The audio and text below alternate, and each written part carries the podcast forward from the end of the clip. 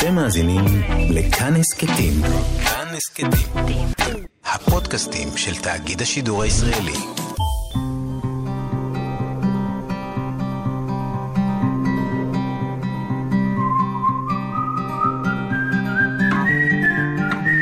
אחת פלוס חמש. אורחים וספרים עם ענת שרון בלייס. ואחד הסיפורים שהוא מספר על אה, רבי שהחסידים שלו באו אליו ואמרו לו, רבי, אנחנו יודעים את כל הנתיבים ברקיע כאילו הם היו הרחובות של העיר שלנו. והוא אומר להם, טיפשים, אתם צריכים להכיר את הרחובות של העיר שלכם, כאילו הם היו נתיבי הרקיע. וזה ממש, הסיפור של הילדה הזאת, היא הולכת ברחובות עירה, והיא מזריחה מתוכם את נתיבי הרקיע. שלום לכם, מאזינות ומאזיני כאן תרבות, אחת פלוס חמש, אורחת אחת באולפן איתי עם חמשת הספרים האהובים והמשפיעים עליה, והיום נעשה חגיגת אה, ספרי ילדים וספרי שירה, כי נמצאת איתי המשוררת וסופרת הילדים אורית גידלי. שלום אורית. שלום. אז אנחנו נדבר על הספרים שלך ועל ספרים של אחרים, ונפתח עם ספר הילדים הראשון שפרסמת, יש לך ארבעה ספרי ילדים, אז אנחנו נדבר על הראשון ועל האחרון היום, הם יהיו החוטים שלנו בשיחה הזאת, ששמו נונה קוראת מחשבות. חשוב לציין גם את המאיירת, כי ספרי ילדים, חלק זה המילים וחלק זה האיורים, ותמיד הסיפור מתרחש ביניהם. המאיירת היא איה גורדונוי, אתם לא יכולים לראות את האיורים, אז ננסה לתאר לכם אותם תוך כדי. ואחרי שפרסמת שלושה ספרי שירה, הפכת להיות סופרת ילדים. לא זנחת את המשוררות. נכון. איך זה התחיל? תראה, הייתי תלמידה של נורית זרחי, ואחרי שהייתי תלמידה של נורית זרחי, אתה אומר, טוב, לא צריך יותר ספרי ילדים בעולם, כי יש את נורית זרחי. ואז לא כתבתי ספרי ילדים, למרות שבאמת גילי המנטלי הוא שלוש, ו... וגם זה העליתי לעצמי בשנה כדי להרגיש בוגרת לגילי. וברגע מסוים, כשגמרתי לכתוב את הספר שירה שם, הוא היה גם מאוד מתיש וגם מאוד חושפני, ונזקקתי לנפש הילדית שלי שוב. וכתבתי ככה פנימית אה, איזשהו ספר שכתבתי אותו אז לביתו של בן הזוג שלי, בתי המאומצת. אה, והסתכלתי עליו וגיליתי שהתהליך הזה גורם לי לצחוק בקול כשאני לבד. ולצחוק בקול כשאני לבד זה, זה אמת מידה מאוד טובה ללעשות משהו נכון. ואז התחלתי לקרוא ספרי ילדים ולנסוע במיוחד כדי לקנות ספרי ילדים, ממש להיכנס לחנות ספרים ולהיכנס אליו בתשע בבוקר, לקרוא ספרי ילדים עד תשע בלילה כשסוגרים. זה קרוב לשירה מבחינתך? מאוד. כי, זה, כי פה יש מעט מילים, כן. ופה יש מעט מילים. אנחנו כן. מדברים באמת על ספרי ילדים, כן. לא על ספרים לבני נוער. כן. וכל מילה, שאם היא נמצאת על הדף, אז נכון, היא מדודה. נכון, נכון, נכון. יש ספרי ילדים של נניח אה, אנשים נגעו בירח, לקח לי ארבע שנים לכתוב. כתבתי אותו תוך שבוע, אפילו פחות, יומיים, ומחקתי אותו ארבע שנים. זאת אומרת, באמת זו הייתה עבודה של גריעה עד שהדבר עמד. ואותו כנ"ל עם שירה, זאת אומרת, כותבים בעיקר עם הח"כ. ו... אבל יש עוד משהו שקרוב לשירה, ש... שירה במיטבה יש את הרגע, זה, זה רגע מאוד מאוד קטן, אבל שהמילים שה, מתאדות ויש איזה כזה של בהלה ושמחה ועין, אה, באלף. וגם ספרי ילדים במיטבה, יש את הרגע הזה של, של איזה קפיצה. אה, אני חושבת שפה זה במקפצת השפה והאומץ הרגשי, כאן זה במקפצת התמימות, אבל זה עוסק בעיקרים. זה עוסק בתמות הגדולות, גם ספרי ילדים וגם שירה.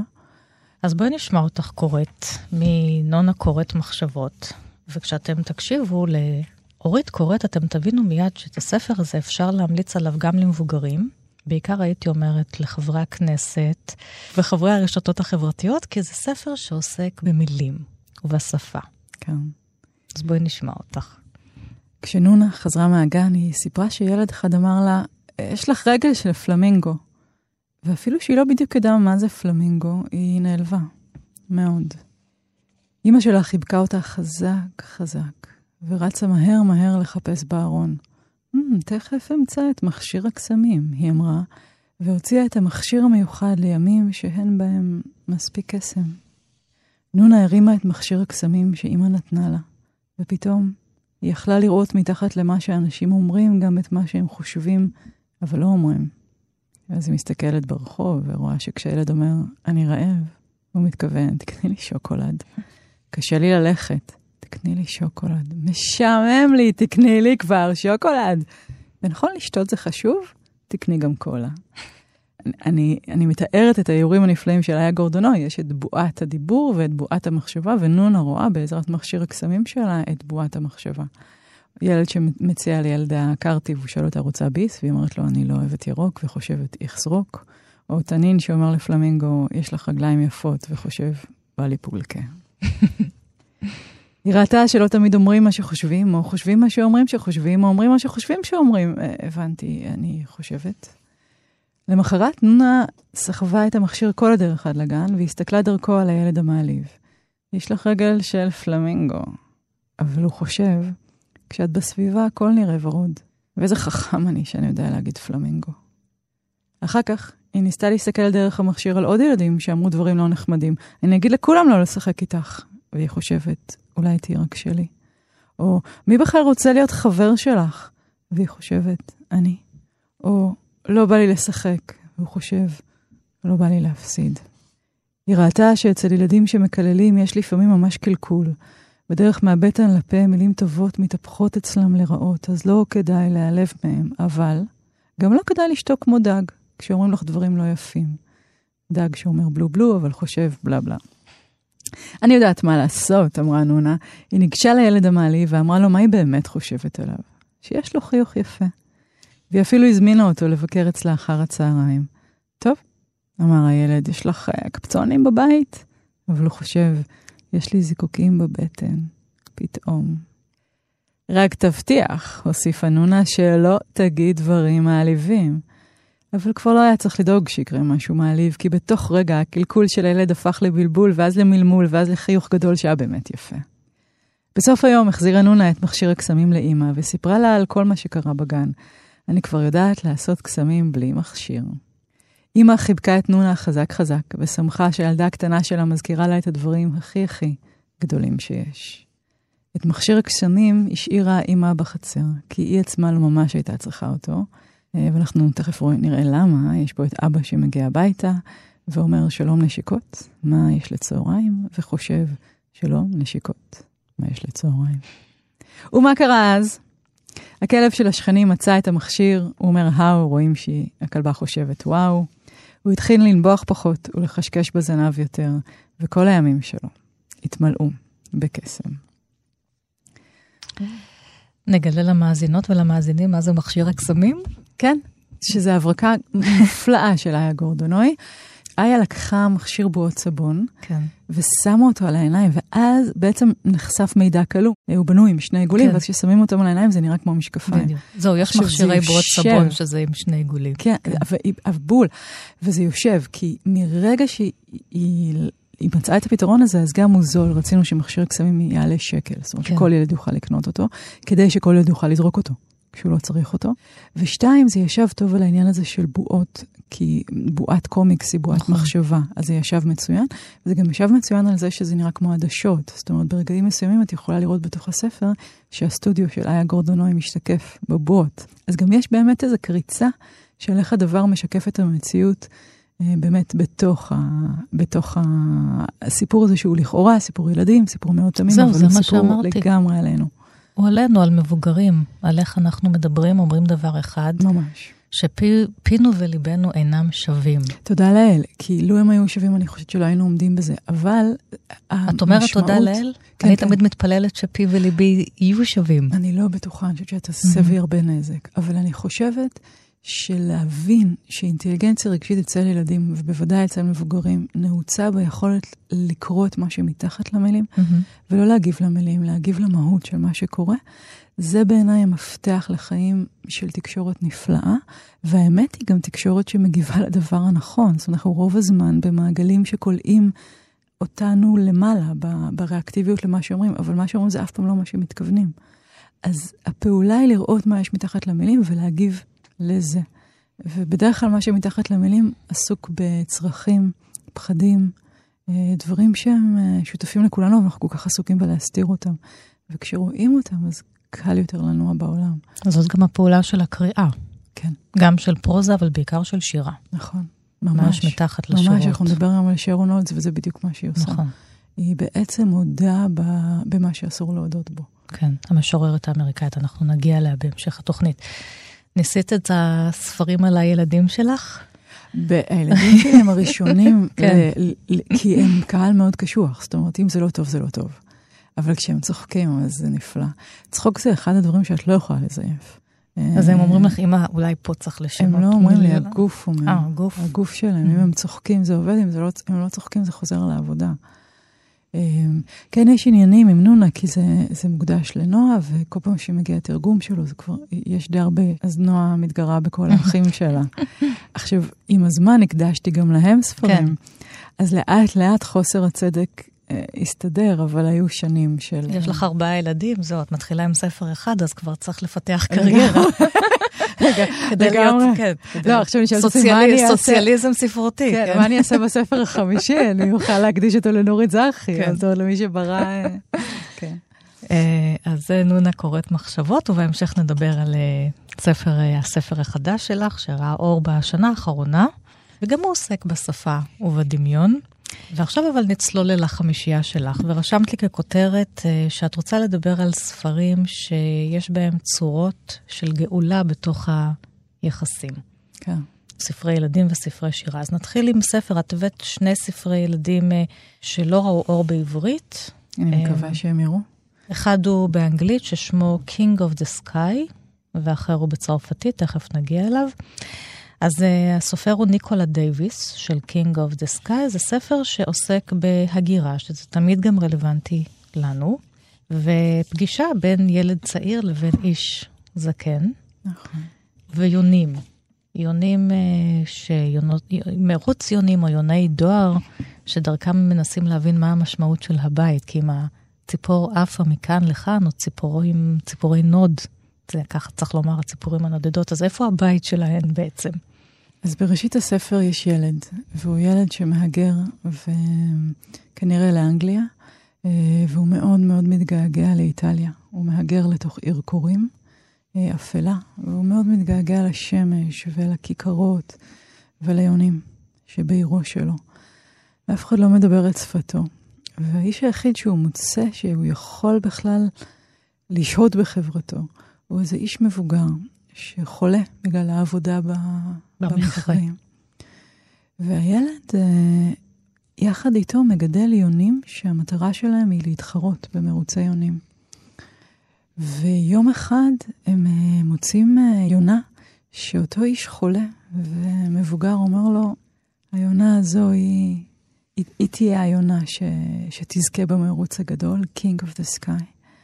והילד uh, מתבונן ב, בציפור הזו, ועוד לא רואה בה את האליפות הזו, שכבר uh, um, כבר גלומה בה, אבל האיש הזה כן רואה. ולאט לאט, תחרות אחרי תחרות, הם מעלים את היונים בעצם על רכבת מסע, וכשהן מגיעות לתחרות, אז משחררים אותם במרחקים, והן חוזרות. אם היונה באמת מוצלחת, היא חוזרת, בלי מצפן, בלי חוזרת אל האיש ששלח אותה. היא חוזרת הביתה. היא חוזרת אה, אל המקום כן. ש... שריק מבית כרגע, בתחילת אוקיי. הסיפור, אבל היא חוזרת אל מוצאה. המקום שבו האיש הזקן והילד מצויים. ויום, והגיע יום התחרות, האיש הזקן כבר חולה מאוד, והילד הוא זה שצריך לעשות את הפעולה, כלומר, הוא זה שצריך לשלח את היונה אל רכבת המסע בואכה התחרות, ולקוות שהיא תשוב. הוא הזקן אה, שככה, את רואה אותו באיור אה, מוגף בין אה, קירות בתוך חוות היונים שלהם, עוקב אחר הילד ש, שעושה את הפעולה הזאת ומשלח את, ה, את הציפור. ואיתה משלח גם את האמונה שלהם שזה יצליח, שהציפור באמת תשוב. ותמיד מתחת לאמונה שזה יצליח, יש את הספק שזה לא יצליח, והוא ככה קורא מתחת ל... הוא קורא בלב אה, קורא את הבור שלו. ואנחנו מחכים עמוד, ואנחנו מחכים שניים, ומתחילה סערה. ואנחנו הקוראים כבר ויתרנו על שובה של היונה. אבל ברגע הנכון. בדיוק בשנייה הזו שבה אנחנו כמעט, כמעט, כמעט אה, מחכים כבר לסוף שיפייס אותנו גם עם המכה הזו, ברגע הזו מצוירת היונה בקו, אה, outline, זאת אומרת, בלי, בלי הגוף שלה. ומי שמצויר לו דווקא הגוף זה הירח. אז היונה חולפת על פני הירח כמעט כשהיא רק קווי המתאר של עצמה.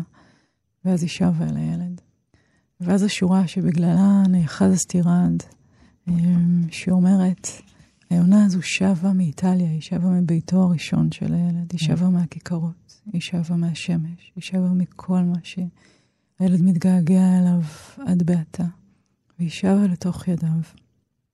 And the boy knew at last that he was home, והילד ידע סוף סוף שהוא בבית. ואני לא יכולה, אני כל כך הרבה פעמים קראתי את זה, ושוב ושוב בא לי לבכות בשורה הזאת, כי יש פה גאולה כל כך שבורה. היונה היא זו שקיבלה את מה שהוא מתגעגע אליו, אבל ברגע שהיא חזרה אליו, ברגע שהיא המליכה אותו, כמי שהיא מתכוונת אליו, ואהבתה מתכוונת אליו, וחוצה ימים וחשכות וסערות גם, כדי לשוב אליו, ברגע הזה שבו הוא נבחר במובן העמוק ביותר, אז הוא חש בבית. והבית מפסיק להיות הכיכר. הוא מתחיל להיות כיכר קטנה של החיבוק של הידיים, כמו שאת רואה פה בתמונה, כן. איך הוא מחבק את היונה. והוא מפסיק להיות המקום שאין, הוא מתחיל להיות המקום שיש. ואי אפשר להרגיש מקום שיש בלי ששניים מייצרים אותו, אחד בשביל השני. הכל השתנה בתוך השבור הזה. King of the Sky, אתם יכולים לחפש אותו דרך המרשתת. הלילה הילד צחק בחלום, מדוע הילד צחק בחלום?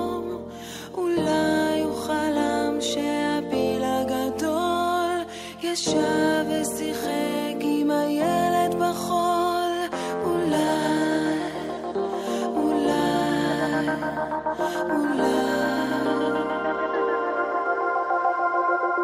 אולי הוא חלם שענן שובב עשה מן השמש בלום של זהב ובא מן היער הרוח על תלה את בלון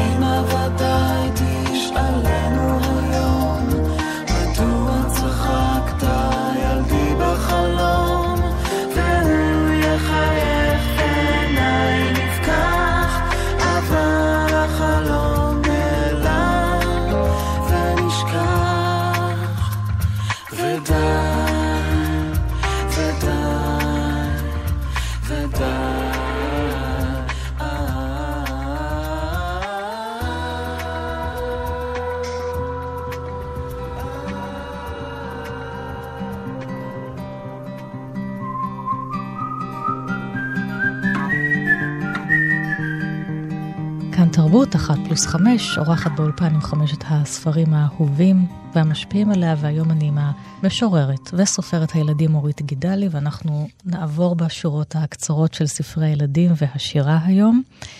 ואנחנו עם הספר השני שאת בוחרת, ספר ילדים אה, ביגודי, של סבסטיאן אה, מורן ודלפין פרה. ספר אה, צרפתי, ווי, ווי. אה, על בניין גבוה, שהגיבורה שלו חיה ביגודי בקומה 156, ויש לה בולדוג. נכון. לפחות בתחילת אה, הספר. ששמו אלפונסו. נכון. ויום אחד הוא? נופח את נשמתו. כן. נכון.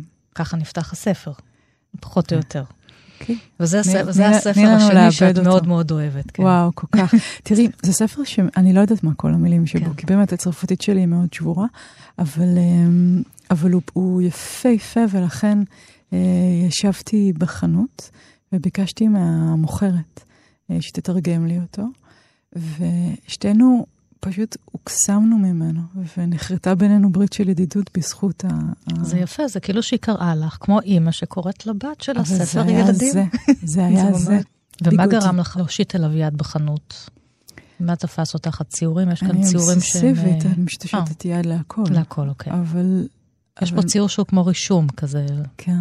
תראה, אני פשוט קוראת הכל, אה, ומבקשת עזרה עם הכל, וזה, ומה שמעביר בי רעד נשאר. כן.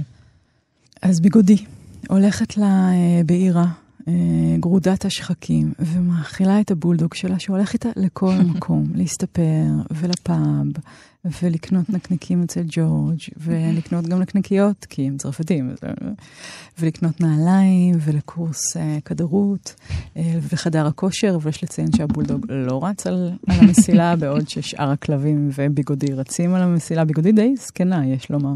היא משחקת ברידג' עם הכלב, והכלב גונב את אחד מהקלפים. בקיצור, יש ביניהם אהבת אמת, והם עולים להם במעלית בלילה אל הבניין הגבוה שבו היא גרה. ויום אחד אלפונס אה, הולך לישון ולא קם. אולי בגלל שהוא לא היה כל כך אמיץ בחדר הכושר. וביגודי בוכה את כל הדמעות שיש לה בעיניים. היא בוכה בקולנוע, והיא בוכה בסופר, והיא בוכה אצל ג'ורג', והיא בוכה אצל רופא השיניים, היא בוכה במיטתה, ואז היא מחליטה לא לצאת מהבית. פשוט לא לצאת מהבית. היא יושבת ליד תמונתו של אלפונס וחבילת הטישו, אמ, וקופסת האוכל הריקה של אלפונס נשארת אה, עם הסמיילי שעליה, כמו עדות למה שאבד ו- ולא יהיה יותר.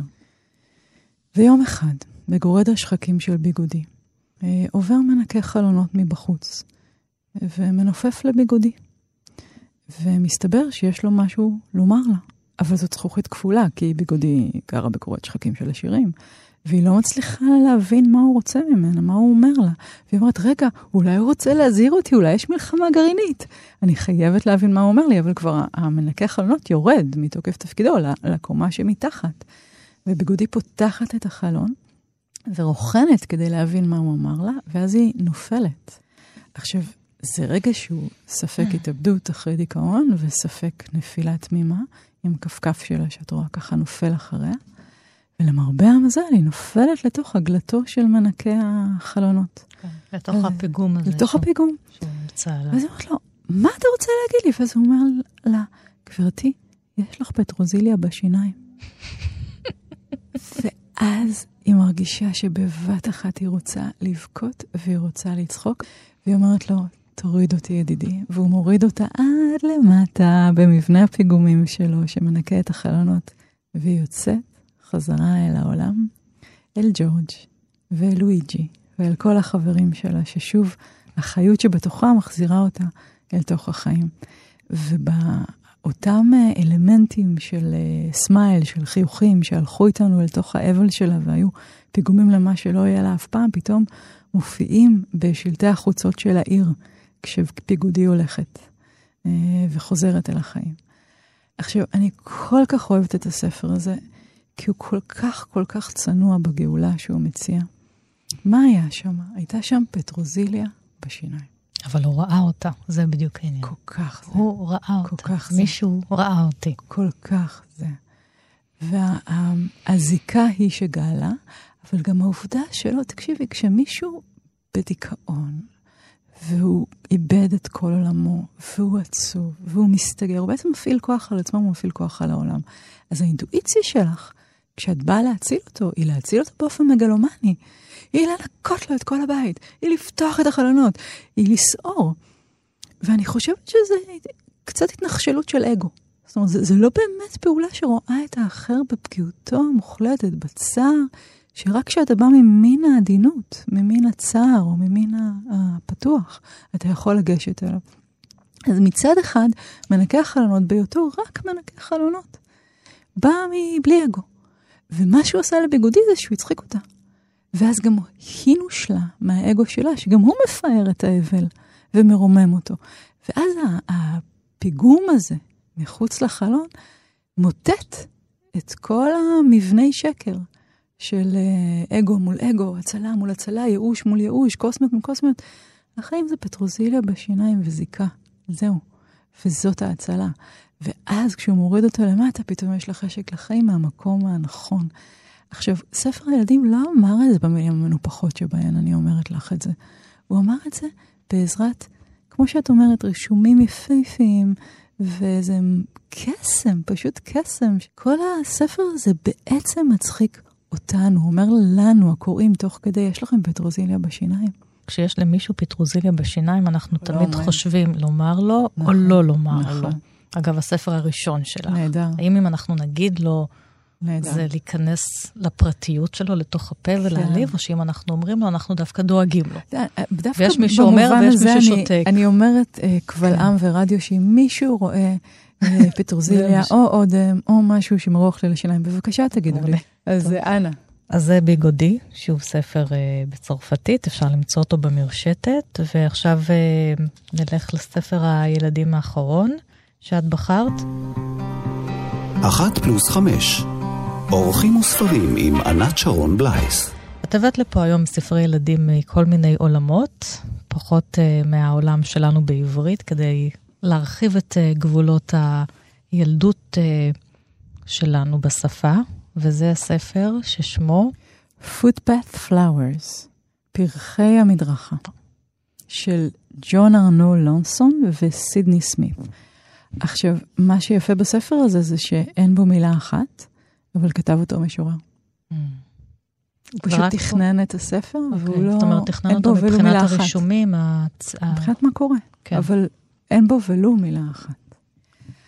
הספר מתחיל בילדה לבושה מעיל אדום קטן, שהולכת עם אבא שלה בעיר, והיא מבחינה בפרחים שהם ככה קשורים ליד האופניים בצד הדרך, והיא מבחינה בפרחים אה, שצומחים מן מתוך המדרכה. והיא מבחינה בכל מיני פרחים קטנטנים, פרחי בר חסרי הדר, והיא אוספת אותם, ואוספת אותם, ואוספת אותם, ואת רואה שהספר, ככל שהיא עוברת, פתאום מה ש... צבעוני, זאת אומרת, ספר כולו בשחור לבן, ומה שצבעוני בתוך הנוף זה הילדה והבגדים. שלה, ומדי פעם הזדהרויות של צבע מתוך העולם. כשהיא קוטפת פרח צהוב, את רואה שהמוניות הצהובות פתאום בצבע, וכשהיא קוטפת פרחים, אה, אסופה של פרחי סביונים, אה, אז היא רואה, את רואה אותם על שמלה של איזו אישה שפתאום היא צבועה בצבע. ויש איזו קורלציה בין מה שהיא רואה. לבין מה שנגלה אליה מתוך העולם. ובעיקר הפעולה הזאת שלה, היא הולכת אחרי אבא שלה. אבא שלה מאוד עסוק בענייניו, הוא מדבר בטלפון, כן. הוא לא עוסק בה. והיא מנצלת את הספר הזה, הרגשי, כדי אה, להרים עוד ועוד ועוד אה, פיסות חמדה מתוך האדמה. ואז כשהם הולכים הביתה, היא רואה ציפור מתה. והיא מתכופפת ומניחה אליה את הזר שהיא אספה. ואז רצה אחרי אבא שלה, דולקת אחריו כדי לתפוס אותו, וממשיכה לפזר את מה שנותר לה ביד, אחד על קבצן, אחד על איזה כלב, שאת רואה את זה בתוך הקולר שלו, וכשהיא באה הביתה ומנשקת את אימא שלה, את רואה שנותר בשיער של אימא שלה, או נותרו כמה פרחים, ואצל האחים שלה, כשהיא רצה בחצר, נותרו כמה פרחים, ואז בסוף הספר היא שמה פרח בשערה שלה, והשמיים נמלאים mm. משק כנפיים של ציפורים. עכשיו, יש קורלציה עצומה בין התמונה הזו, תמונת הסוף, הוואו, היפאה הזאת של מעוף הציפורים, לבין הרגע הזה באגב ריצה, שבו היא נעצרה ושמה פרחים על גופה המת של, ה, של הציפור. של הציפור. עכשיו, זה נורא נורא עקרוני, כי אני שאלתי את עצמי, מתי אני שמתי פרחים על גופה המת של ציפור? ראיתי עשרות גופות מרות הכולנו, גופות של בעלי חיים. והתגובה המיידית שלנו היא להדיר את זה מהמבט. היא לא להסכים להסתכל על זה. וכאן יש נפש כל כך רחבה, שבא ממין אהבה, ולכן הכל נהיה אהבה. גם המוות אה, נהיה איזה רגע של חסד, והחיים גומלים לה באהבה. וזה סוג של דיבור שמליתי את השבת עם בובר ועם סיפורי החסידים שהוא ליקט אה, בעדינות רבה. אה, ואחד הסיפורים שמספר על רבי שהחסידים שלו באו אליו ואמרו לו, רבי, אנחנו יודעים את כל הנתיבים ברקיע כאילו הם היו הרחובות של העיר שלנו. והוא אומר להם, טיפשים, אתם צריכים להכיר את הרחובות של העיר שלכם, כאילו הם היו נתיבי כן. הרקיע. וזה ממש, הסיפור של הילדה הזאת, היא הולכת ברחובות עירה, והיא מזריחה מתוכם את נתיבי הרקיע, שהוא כל כך הרבה יותר עשיר מאשר הדיכוטומיות שאנחנו כופים על העולם, והרדוקציות שאנחנו כופים על העולם. בהיותנו מבוגרים, כלומר מאוד מאוד מוגבלים ומאוד מאוד עסוקים בטלפון שלנו. וגם משתמשים בשפה בצורה מוגבלת, כשילד עם, מספר עם כל כך מעט מילים, את קוראת לו את הספר כל לילה, ו... וכל פעם זה ספר אחר. ממש, ממש. ותדעי לך שספרים בלי מילים לא מצליחים בארץ, לא עושים אותם בארץ. והלוואי, הלוואי, כן. הלוואי שזאת תהיה התחלת הגאולה, שיחתנו, שמישהו יגיד, הילד שלי יאהב כן. את זה, הילד שלי צריך את השדה הרחב ויחפש דווקא את הספרים האלה. אגב, שדה זה גם הכוח של הטבע, שאת רואה אותו מתחת לבטון, בערים, כשסוללים כבישים וסוללים ושמים מדרכות ושמים בטון ובטון, כל פעם את רואה את הטבע, איך יש לו כוח, ויוצאים עשבים ופרחים מתחת לזה. אבל זה הספר כן. על הרגע הפלאי, כן. המופרך. שבו סביון מציץ מתוך בטון, טון. מי היה מאמין? ואנחנו לא רואים את זה. והנה... אבל הילדים כן, כן, כי הילדים הם, זה הנפש שלהם. כן. סביון מציץ מתוך בטון. לא כי הם אחרים מהמבוגרים, פשוט עוד לא נשחטו. והנערה הזאת, יש לנו אותה בפנים, בוודאות, בוודאות. אנחנו פשוט כיסינו אותה בכל כך הרבה תפקודיות והצטיינות, שאנחנו כבר רחוקים מעצמנו. ואנחנו צריכים את ספרי הילדים שיספרו לנו את עצמנו בערב לפני השינה, אנחנו צריכים את זה. אז את קוראת ספרי ילדים, ולי זה חסר. לפעמים אני חוזרת אליהם קצת, אבל חסר לי יותר שיונתן גדל ו... אבל את לא גדלת. אני לא קוראת, לא... את, כשאני נכנסת נכון, לחנות ספרים שואלים כנראה שהתירוץ הוא אני. בת כמה הילדה שאת רוצה בשביל הספר, אני אומרת 46. מה זאת אומרת? זה דר. כשאני אגיע כן. בכל מהותי, לגיל הנפשי שלי של שלוש, אז אני אדע שנגאלתי. בינתיים עוד יש חלקים שמתמרדים והם תפקודיים וכל זה. אז מאזינות ומאזינים, ספרי הילדים זה קודם כל עבורנו. לא משמעית. קודם כל, חד משמעית.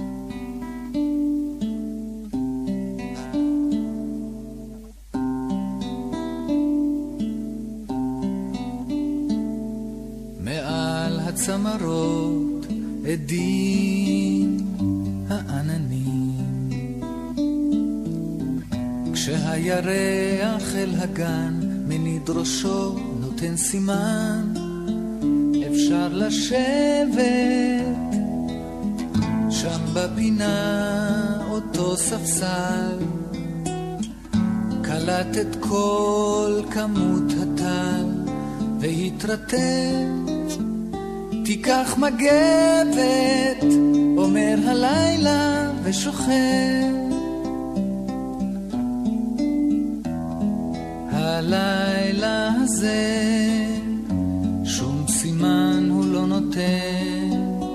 הוא מעוור, הוא מכוון את התנועה בשלל גחליליות. הוא מספר מעשיות והוא חושב שילדים מאמינים לזה. מן לילה שכזה, כזה.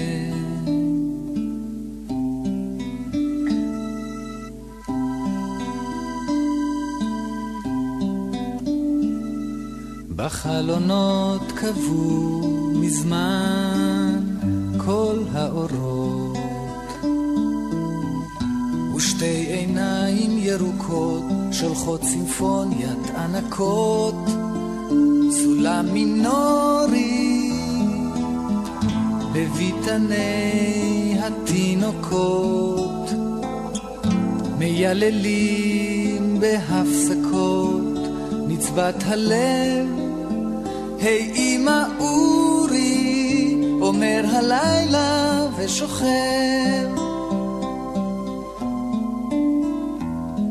הלילה הזה, שום סימן הוא לא נותן.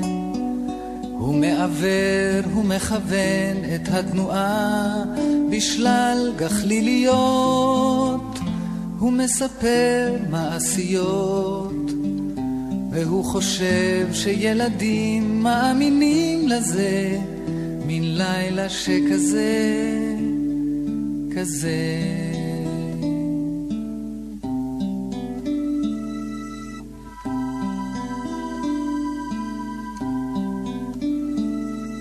החלה רוח שורקת אלף חצר פניה מליטה עוצרת את נשימתה, כי בא אורח,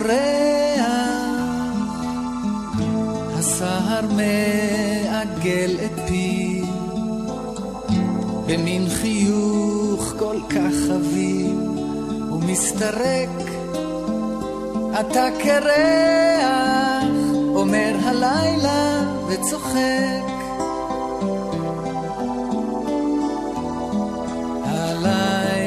הזה, שום סימן הוא לא נותן, הוא מעוור, הוא מכוון את התנועה בשלל גחליליות, הוא מספר מעשיות.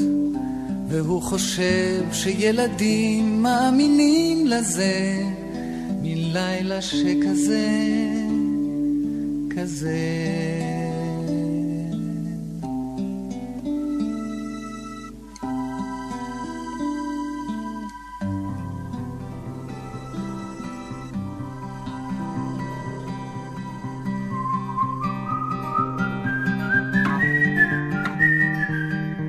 תרבות, אחת פלוס חמש, איתי באולפן המשוררת וסופרת הילדים אורית גידלי. דיברנו עד עכשיו על uh, ספרי ילדים, שהם למעשה גם ספרים עבורנו.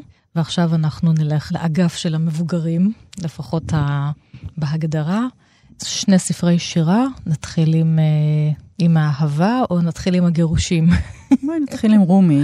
רומי, ז'לל... אם כבר עוברים מספרי ילדים, כן. נעבור אל הטהור. ז'לאל א-דין רומי, עם אה, שירת האהבה שלו, זה משורר ופילוסוף אה, בן המאה ה-13, מיסטיקן, סופי. אז אה, אורית נמצאת כאן עם הדיוואן, וזה בתרגום של... אלכסנדר פייגין. שזה מבחר מהשירה שלו. עכשיו, שירת האהבה נחשבת לשירה גדולה, אבל אצלו אהבה בראש ובראשונה לאלוהים, ודרכה מגיעה האהבה גם האירוטית, אהבת בני אדם, אהבת גבר לאישה. כתבתי לך שאני עומדת להביא ספרי, ספר שירי אהבה, מבחר משירתו, ואז uh, הבנתי שאני רוצה לדבר על אהבתו הגדולה, העבודה, בעצם אהבתו לשמס תבריז, ועולה לי את הספר בעברית, כפי. שביקשת. אז uh, חנות הספרים מילטה פתחה לי במוצאי שבת את החנות, לכבודך בעצם, כדי שיהיה את הספר. ברחובות היא נמצאת. ברחובות, מילטה, כן. כמה ספרים שרציתי mm. רק בשבילי, בחנות ספרים, אז תודה שזימנת לי את המעקש הזה. תודה לאנשי מילטה. ממש. אמ, היחסים של, של רומי ו, ושל שמס הם, הם מאוד מעניינים. רומי היה אדם כבר מאוד מכובד, בן כמעט 40, אה, מורה ואיש דת אה, חשוב. ואז הוא הלך בשוק, ואיזה נווד, הורג סלים, תפס, את ה, תפס אותו ואמר לו, מה אתה קורא? הסתכל בעיניים שלו.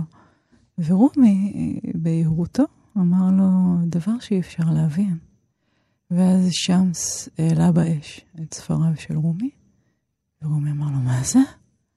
ואז שמס אמר לו, דבר שאי אפשר להבין. ומאז נפשו של זה דבקה בנפשו של זה, עד ששמס נעלם. פעם ראשונה הוא פשוט נעלם, ורומי שלח אחריו משלחות למצוא אותו ולהתחנן שישוב, ובפעם השנייה הוא נעלם ומעולם לא שב. יש שאומרים שבנו של רומי הרג אותו, יש שאומרים שהוא פשוט ציפור. אבל הייחוד המיסטי ביניהם היה זה שחילץ מרומי בגעגועיו, בזעקת כל תא ותא שבו. אמר, שם, שם, איפה אתה? והזעקה הזאת חילצה ממנו שירה כל כך גדולה וכל כך מיתולוגית, שבסופה באמת הדבר הזה שאת מדברת עליו, של ההפנמה של האהוב לתוכך, וזיקת הנפש המלאה אל האלוהים. אבל באמת, במשולש הזה, הכל כך עז, שני אנשים כגשר אל האלוהי, מה שהתחולל שם לא מפסיק להדהים אותי, גם שנים אחר כך. שם זה היה מין, מה, מורש, גורש? הוא היה דרוביש, נודד. דרוביש. הוא היה מבוגר, הוא היה בן 60. כן. ו... אבל הוא היה, הוא היה סוג אחר. הוא לא היה, הוא לא בא מהכבוד, והוא לא כן. בא מה... הוא בא מהמיסטיקה. והדבר הזה, הרגע הזה שבו די במבט, עכשיו יש המון סיפורים על למה, על איך הם נפגשו. אה, אני הכי אוהבת את הסיפור של הלעלות באש. שוב, אני לא יודעת אם זה מיתולוגיה או לא, אני לא מלומדת גדולה, אני רק יודעת שאת הכאב הזה של האובדן ואת העוצמה הזאת של הזיהוי, את זה אני מכירה היטב. היטב. אני יודעת מה פירוש לראות ולזהות. אני חושבת שכל אחד מאיתנו שבא מן האהבה, הולך אצל האהבה ו- ועומד, מבוסס ברגליו בתוך האהבה, יודע מה זה. הרגע הזה שבו הגוף, כל התאים נפערים בבת אחת מתוך זיהוי. ובמובן מסוים, שמס היה חייב ללכת כדי שהשירה הגדולה הזאת תיכתב, כי לו היה נשאר, לא, לא היה שום טעם בשירים. לא היה ישר אלוהים. אבל נדמה לי שהנפש הזאת של רומי שנקראה, היא מזככת את הנפשות שלנו, היא לפחות וקטור, היא וקטור שמראה לנו לאן עלינו לפנות. את, ה, את הזיקה הזו. וכשהוא כותב, אל תשאל איש על אהבה, תשאל את האהבה על אהבה, אז את מבינה, או כשהוא כותב, אה, כמו בשורה אחרת, אה, אה, מעבר לכפירה ולאסלאם ישנו שדה, שם אנו ניפגש, את יודעת על מה הוא מדבר. כל משפט בוער ממעבר. עכשיו, אל האלוהים אין דעתנו מגעת, אבל אולי האלוהים מגיע אלינו כשאנחנו רצועים על הכאב. הכאב של הגעגוע, הכאב של הגוף, הכאב של כל מה שאין. אולי. כי אז אנחנו מאוד מאוד נוכחים ומאוד מאוד גדולים. עכשיו, אני שוכחת את זה, אני לא סבלת את הכאבים שלי, אבל רומי מזכיר לי. כן. רומי מזכיר לי, רומי איבד את הדבר שכל אחד מאיתנו רוצה שיהיה לו, ייחוד מיסטי. והאיש הזה בקעה ממנו שירה מאוד גדולה, ובקע ממנו אלוהים. עכשיו, זה מה שאני מתפללת. לא שאני אגיע לאלוהים, שאלוהים יגיע אליי, שהוא יתגלה. זה הגאולה שאנחנו יכולים לרדת על ברכנו ולבקש שאם באמת באמת נדע לכאוב מתוך נוכחות, היא תקרה לנו. האם אני מצליחה לעשות את זה? חלקית מאוד, אבל בסדר.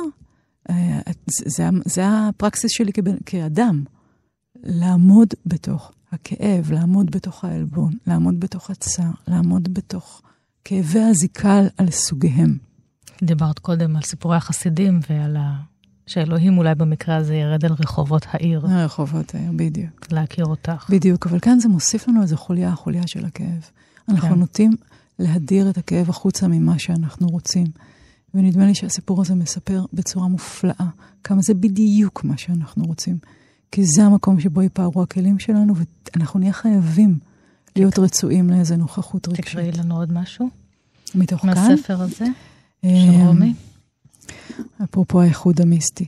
לפתע אהובי בגילופין הופיע בביתי, שתה מכוס האודם והסב על מיטתי. הבעתי ונגעתי בקורי העכביש, בשערות. פניי היו לעיניים, ועיניי לידיים הנוגעות. וזה גם הולך פה מעבר לזהויות המיניות המגדריות. לחלוטין לבטל אותן. לגמרי. ואנחנו עם הספר החמישי.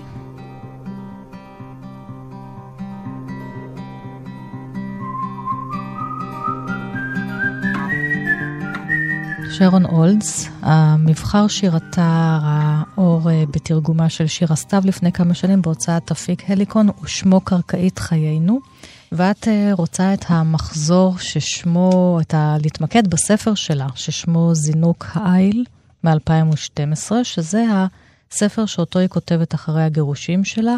שרון הולד משוררת אמריקאית, לפי דעתי אחת המפענחות הנפש הגדולות ביותר, ואני חושבת שהיא ראויה לפרס נובל. קראתי גם אני בזה אתמול, וזה מפלח את, ה, את הלב, וגם... אה, לגבי אנשים כותבים, את חושבת איך יש לה את חוכמת המילים לנסח את כל נימי הנימים של הרגשות שהיא חוותה בתהליך הזה. תראי, היא יודעת לעשות שני דברים, היא יודעת להסתכל ולהשתהות, כן. ובאמת לפענח אה, במקרה את הזה על, ההתפרטות. עליה ועל, אה, ועל הגרוש שלה, כי יש לה גם שירים מופלאים על המשפחה שלה, היא בת לאבא אלכוהוליסט, אז היא לא גדלה בדיוק במשפחה הכי מתפקדת, לא מעט אלימות, יש לה שירים מופלאים על אימא שלה ועל אבא שלה בספרים אחרים. כן. תראי, אבל גם במבט שלה על, על אבא שלה ועל אימא שלה, שהסבו לה סבל נורא, היא מסוגלת להכניס בבת אחת את האהבה ואת השנאה. נכון. ואותו דבר לגבי הגבר שלה, היא מדברת גם על ה... על איך היא עדיין בזיקה עמוקה אליו, אבל גם על הכאב העצום של, ה... של הלא להיבחר.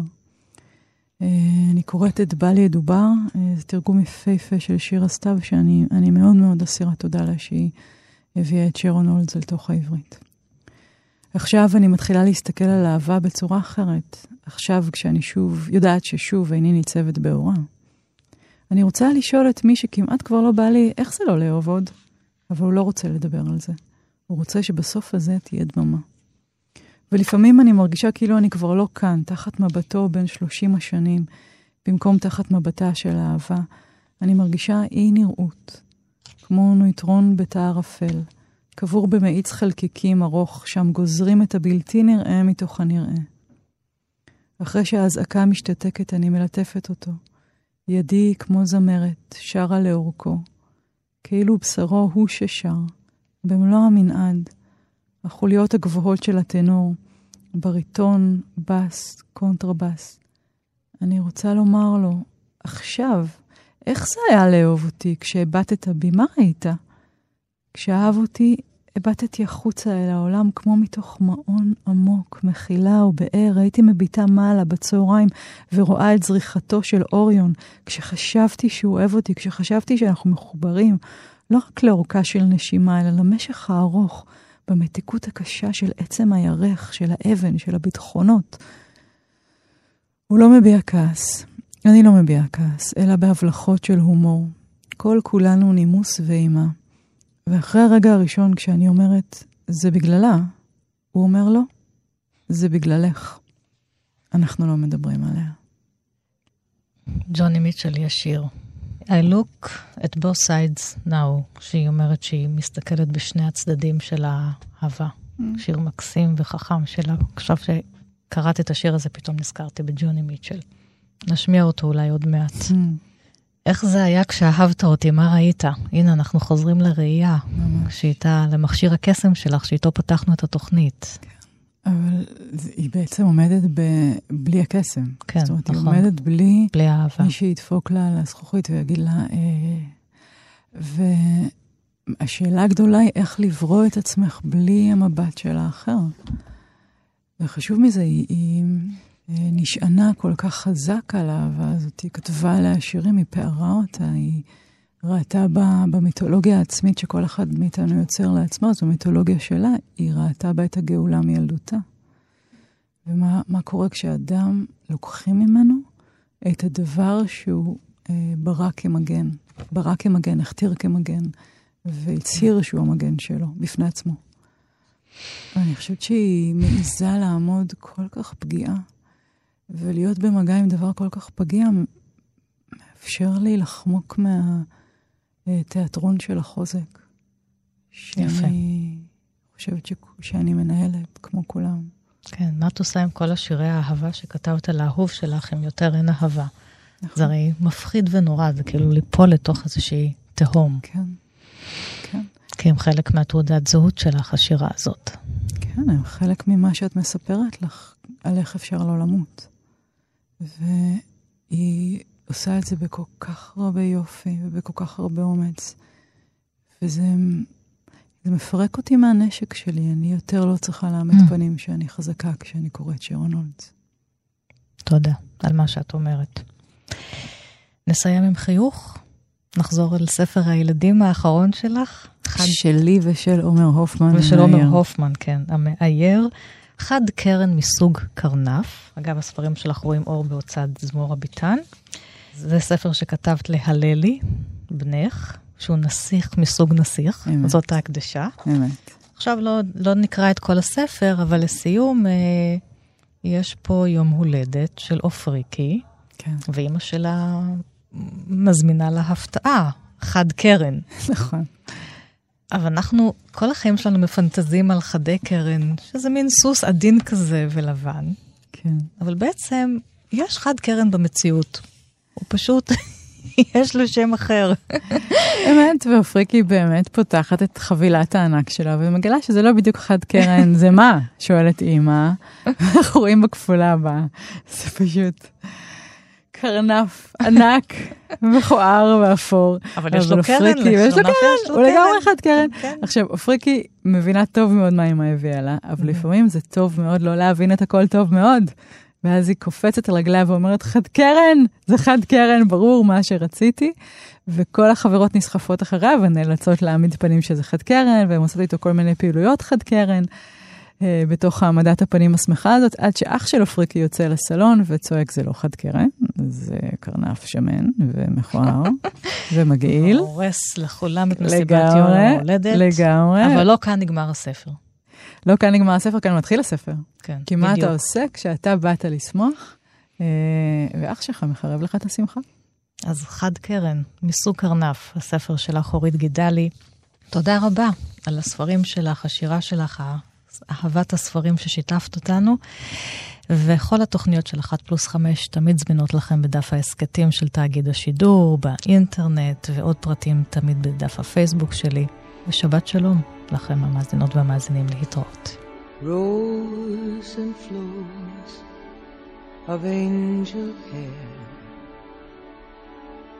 And and ice cream castles in the air and feather canyons everywhere. At clouds that way. But now they only block the sun. They rain and they snow on everyone. So many things I would have done. But clouds got in my way. Looked at clouds from both sides now, from up and down, and still somehow it's cloud illusions I recall. I really don't know clouds.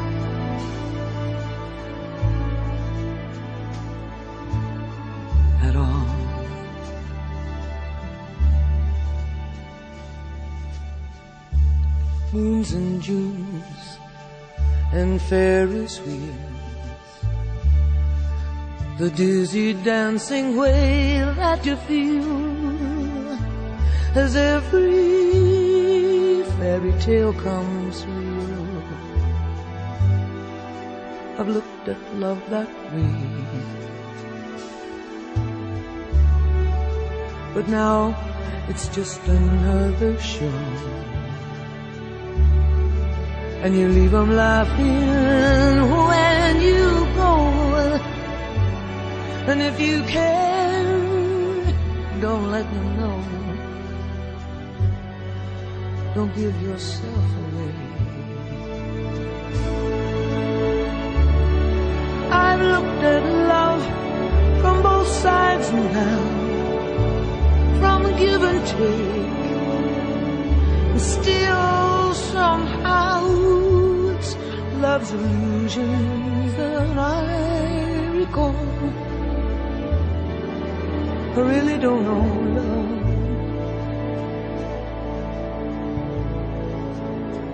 I really don't know love at all.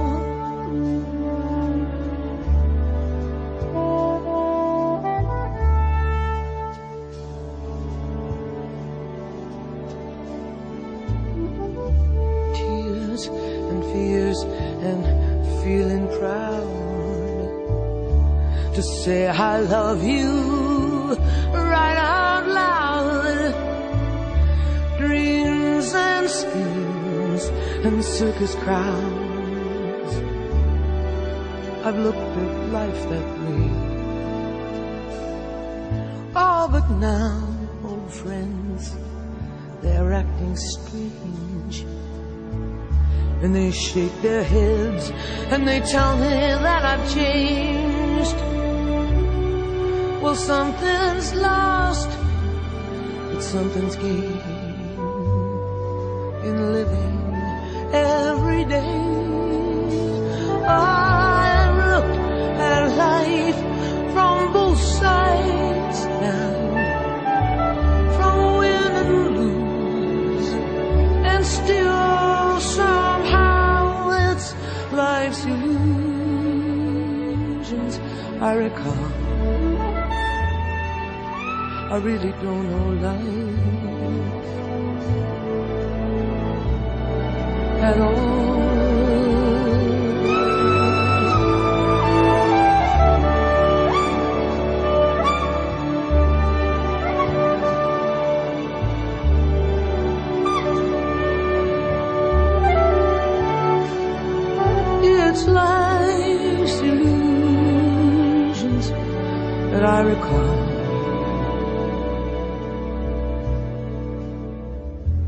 Really don't know life.